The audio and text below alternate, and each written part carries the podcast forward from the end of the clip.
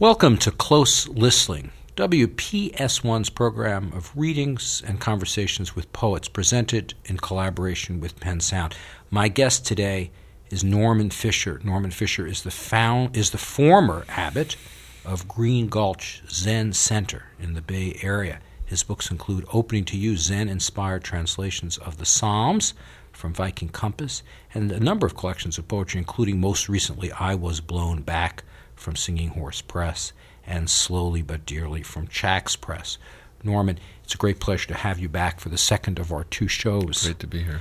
I recently read a quote from you in one of your talks, actually, in which you say, "To be con- to be without content, but full of light, or perhaps to be without content, as I read it, mm-hmm. but full of light."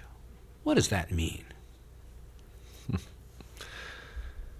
Probably uh, without content is what is what was meant. But I, of course, have no recollection of where that appeared or what context uh, it was in. But um, when I hear the word light, uh, for me, it suggests, uh, and I usually use it in, in the context of consciousness itself.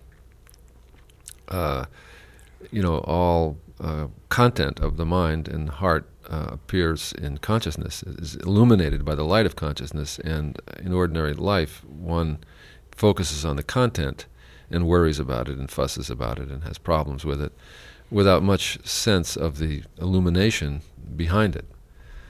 So uh, to be to be without content uh, and only light is to is to focus on the light and, and, and to enjoy you know the, the, the consciousness itself in which everything takes place. I was interested in that from the point of view of poetics, or from the idea that poems wouldn't have to be about things. Yeah, yeah. And yeah. yet the context of it was with, yeah. a more of a Buddhist meditation originally. Yeah. Does that transition work for you? Oh yeah, yeah. Because uh, you know, there's that wonderful statement of Phil Whalen. You know, the continuous nerve movie you know the words and content is flowing by on and on in in a, in a poetic life, and it hardly, in a way, that the, all the content is just an occasion for the expression of this light of awareness, which the poem is always expressing. So it's one poem forever and ever with various content. In the uh, reading that you just did for the first program, you quoted a line: "All things grasped are unsatisfactory," something like mm-hmm. that, which which relates to that, but isn't the poem really about grasping some part of reality and putting it into form? Isn't for the moment, for the moment, yeah. And then the next line comes.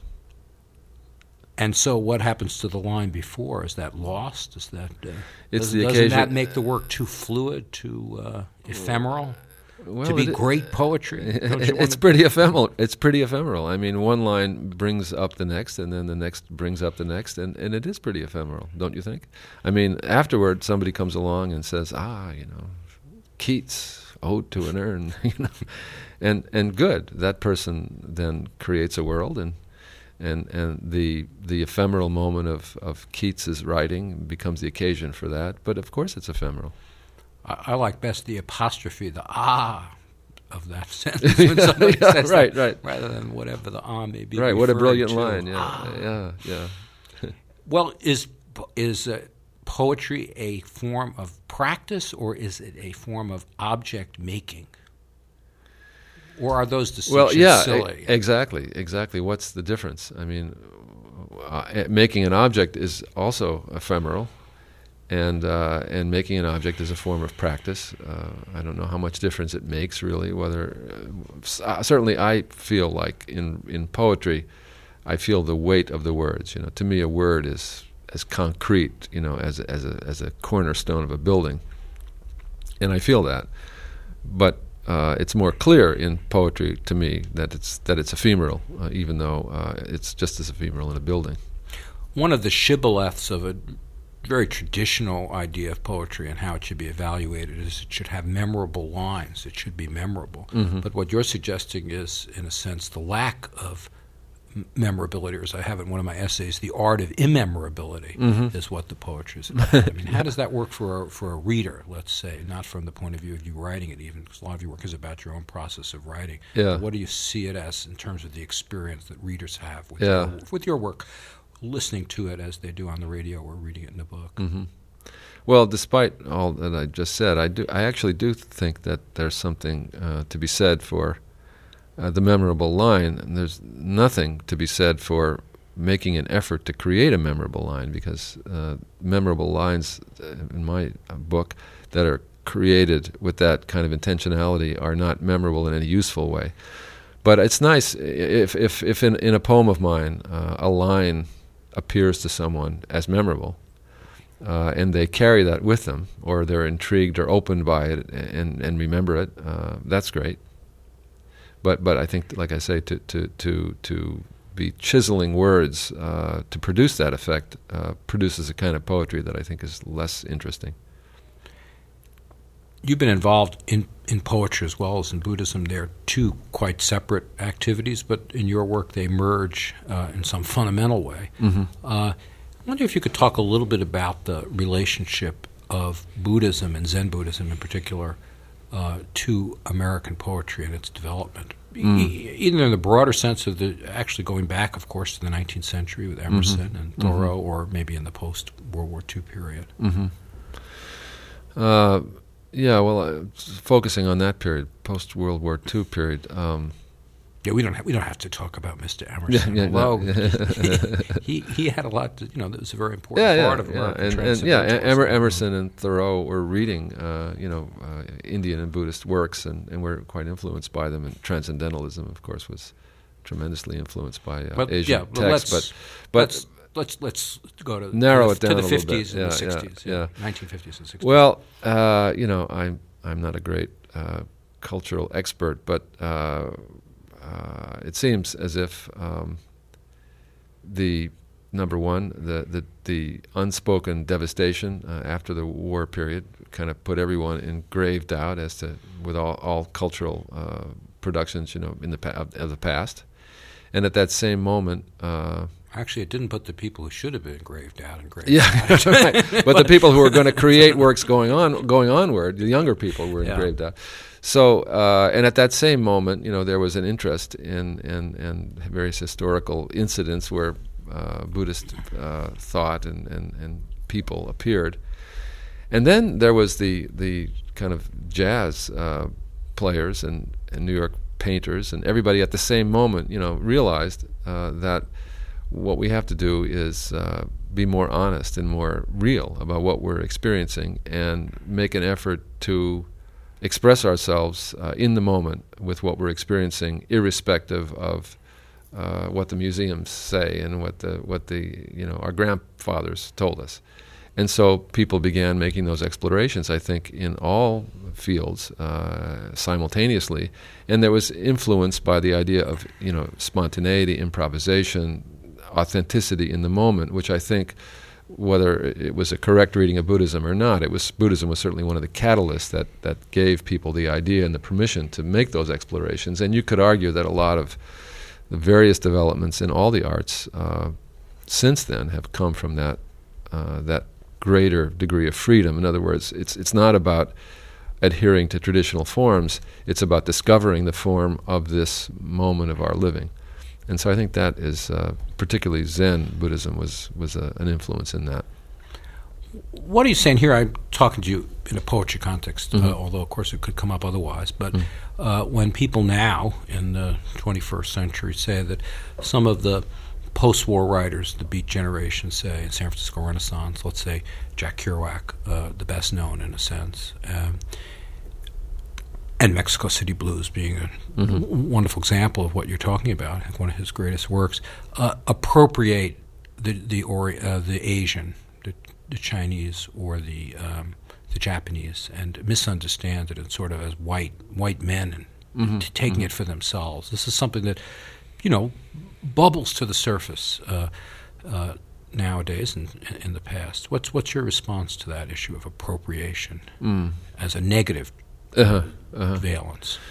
Well, you know, on the one hand, you could say, like Kerouac's Buddhism was really, you could say, well, it was really Kerouacism. You know, it wasn't had very little to do with or, Buddhism or, or, or, working class Buddhist Catholicism. Yeah, yeah, right. Catholicism. You could say that. You could also, though, uh, think about it again, and you could say, isn't it astonishing that Kerouac understood Buddhism better than most Buddhists?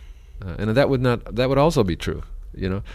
And I've, I, in fact, recently been, uh, I forget what it was I was looking at, reading or whatever, uh, of Kerouac's, some of Kerouac's Buddhist uh, material.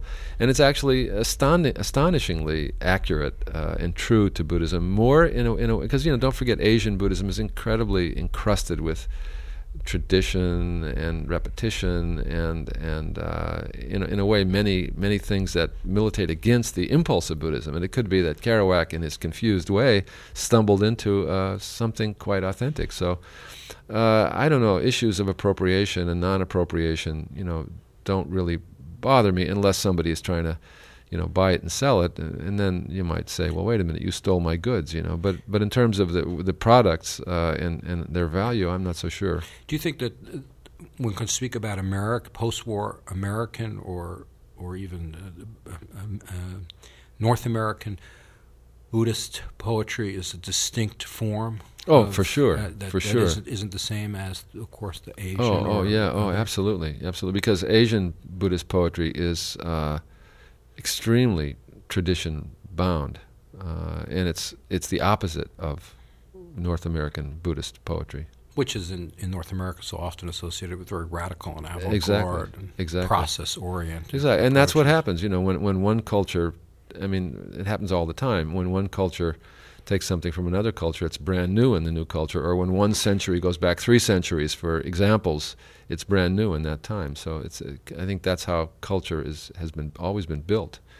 So that's why, uh, in other words, the the argument. Well, wait a minute. This is what Buddhism really is, or this is what the Greeks were really saying, and the people in the Renaissance completely misunderstood it.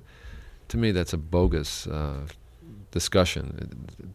Things are being appropriated constantly. That we're all we're all walking appropriations, right?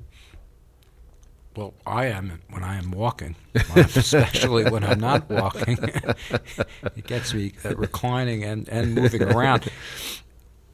How about meditation as a practice uh, for you? Mm. Uh, something that you've been engaged in for a lot of years. Mm-hmm. How does that affect, you think, your writing of poetry? Um, writing can sometimes be understood as a practice of meditation, but of course it's not. It's quite the opposite mode when you're actually mm. writing and reading, and yet there's probably a connection there mm-hmm. somehow. Mm-hmm.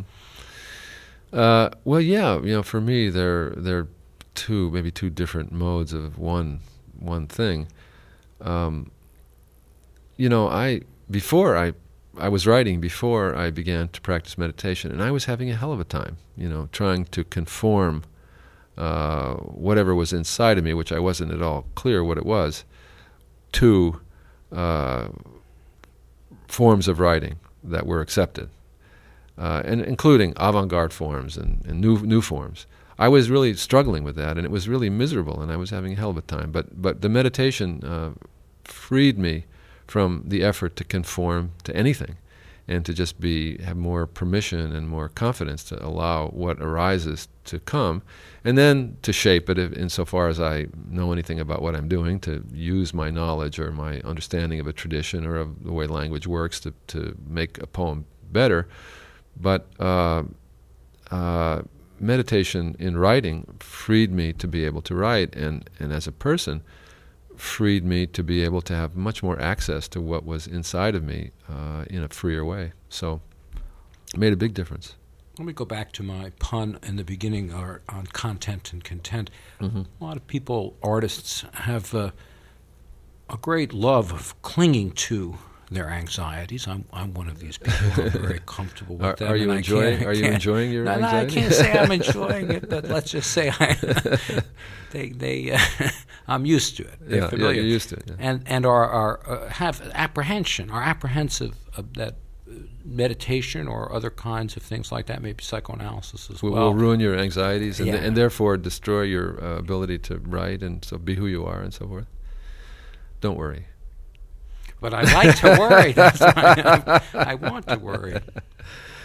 Uh, well, you know, I think that. Uh, well, one thing to say is that uh, certainly not everyone is interested in or ought to be interested in in meditation. It apparently was my destiny to be so so bothered by my anxieties, which I guess in the end were metaphysical, that I kind of had no choice but to uh, kind of explore uh, my sense of being through meditation practice. Um, but uh, listen, if you, you're doing fine, Charles, with your anxieties have gotten you pretty far in life, so I wouldn't worry about it. Um, Please continue, you know, in your anxious way. Um, I'm talking with Norman Fischer on close listening on WPS1.org. If you were going to start to meditate as an artist uh, or a poet, how would you go about doing that? To take a course or read a book, or what would well, you do? Well, not really. You know, I think uh, basic meditation is pretty simple, and I think somebody could explain it to you uh, in about 15 minutes, and then uh, that would be enough for you to continue meditating for the rest of your life if you if you wanted to. It's it's actually not so complicated. Um, through meditation practice over time, you know, your own relationship to the practice changes, but technically, it's not a complicated thing at all. So, Norman, tell me, are you a Jewish poet? I mean, you kind of look Jewish to me, and uh, you sound Jewish. I don't know. You talk about Jewishness a lot, yet you're this Zen priest and so on. Yeah, well, I can't help it, Charles. I, it's uh, it's all very confusing. I I, I realize, but uh, yeah, of course. I mean, I, when you if you consider anybody considers her life his life uh, deeply enough, you realize that the way you're formed, you never escape from. You never get away from it. You, you, go in the opposite direction 100 miles an hour, and you realize that that uh, you're there where you are because of the way you were formed, and it's still part of you. And I think if you deny it and try to uh, overcome it and run away from it, you you have a harder time. So uh, I have myself always affirmed what formed me and my background, and I've loved, I've actually loved my Jewish upbringing, which was fairly uh, rigorous and uh, observant, and uh, and never felt as if I was abandoning it. I felt like I was leaping off from it uh, further, and so uh, as often happens when you get older, you you look back and you say, "That what a great thing! I want to do what I can to to benefit and acknowledge uh, where I come from." So so uh, you know it's funny when you when you speak and write about something and you want to define something it becomes confusing. Well is it this or is it that? And is does it come from here does it come from there? Is it does it go in this way or does it go in that way? But in real life i mean who is not a bundle of contradictions and you know angles in all different directions if you look hard enough? And so in my case it's just sort of more obvious and more on the surface and more public i guess but it doesn't seem confusing to me. I mean, in other words, uh, I'm going through a day, the sun is coming up, it's noon, it's evening, and then it's night, and the next day, and, and every day goes like that. And so it's not so confusing. One of your most remarkable works is your translations of the Psalms, which I've gone back to many times, mm. and I think is really an astounding mm, thanks. work. Yeah. Um, and I, I thought you'd be interested to talk about it. I yeah. mean, one of the things about it is uh, the address to the you. Yeah, uh, which is a kind of fundamental address within poetry and could yeah, exactly. seem very contemporary exactly. if if if, uh, if, you did it in a poem now, and yet it's one of the oldest set of poems, perhaps yeah. the oldest written poems that we have. Uh, yeah. in the West. Yeah. Talk a little about what's interesting about that, such an ancient work that you redid, and what you did in recasting it in your mm-hmm. translation mm-hmm. or well, adaptation, I guess. Yeah. Well, that that's right. What's interesting to me about it is uh, in in in uh, fooling around with the Hebrew and, and the whole theology behind the Psalms. Uh, I realized that uh, one is always addressing a you in poetry I mean, poetry really is a reaching out and an expression uh, to an other who, to some extent, is represented by uh, an actual reader. But, you know, I don't think one is ever actually writing a poem to an audience of people out there who are re- who is reading the poem. There's somebody else. I mean, you begin to notice after a while if you're compelled to ongoingly write poetry. Even how many people are listening? Not so many, you know. And yet you put a tremendous amount of effort into that. It's tremendously important. You realize you're talking to someone somehow. You're, there's a communication that's going on, and uh, who is that communication to? And I realize that that is the impulse of the Psalms. There's a tremendous sense of speaking out and being heard and being met in the act of singing and writing uh, the Psalms. and and I really do feel like that is the that is the impulse uh, of of uh, poetry, uh, particularly of Western poetry. Is you, might say that Western poetry, and I think it's literally the case that Western poetry begins with the psalm. And uh, as I was doing the psalms, it, it occurred to me that the sonnets of Shakespeare are exactly the same. There's this address to another, and it's just as in the sonnets, very mysterious. Who is this other, and so forth and so on. And I, w- I was yeah. hoping you would. Yeah, I would have the answer to that. Yeah, yeah, yes. yeah. Who is the, the you? In the psalm, yeah. In in the Psalms. In, in the Psalms, yeah.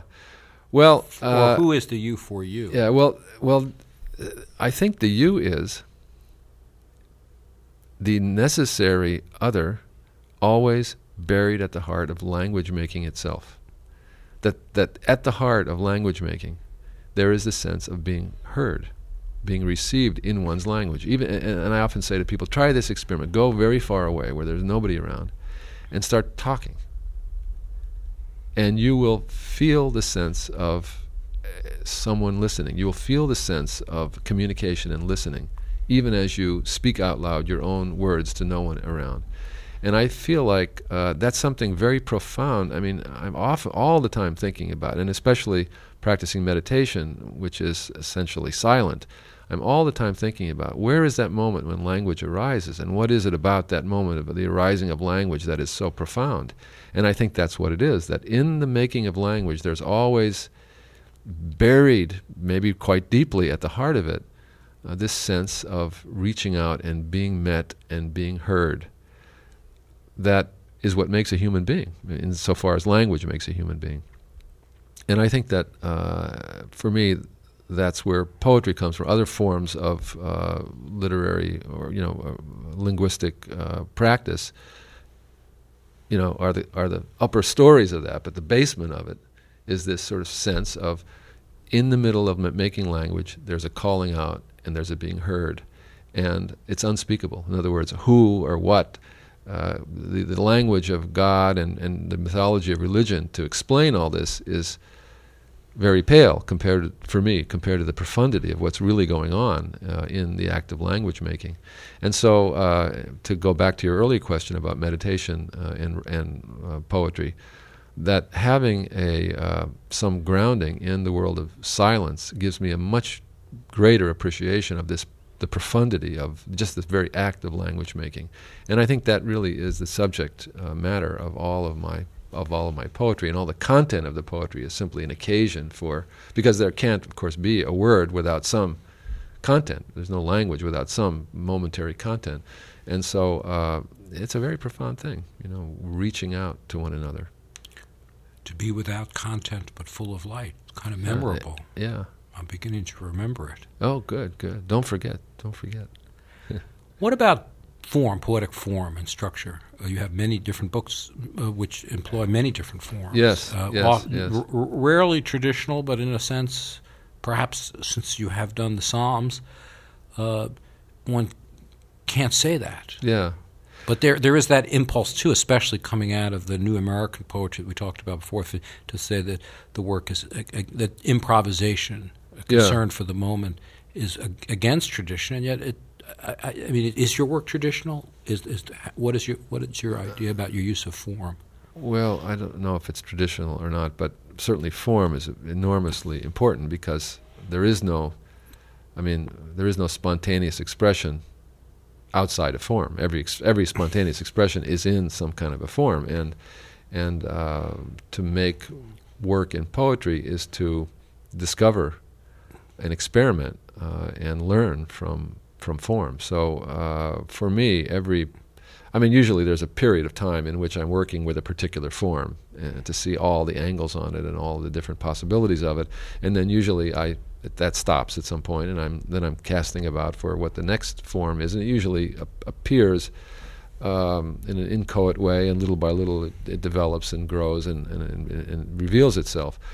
But uh, yeah, I'm always uh, concerned with. Uh, in, fact, that for me is the most interesting part of any poem or any series of poems is what what is the form, what is the shape, what's the sound. For me, a form in poetry is a sound more than anything else, a sound, a shape in words, and that's the most interesting part of anything that I'm working on. And the content always is conditioned by the form. Different content will arise um, in response to different forms.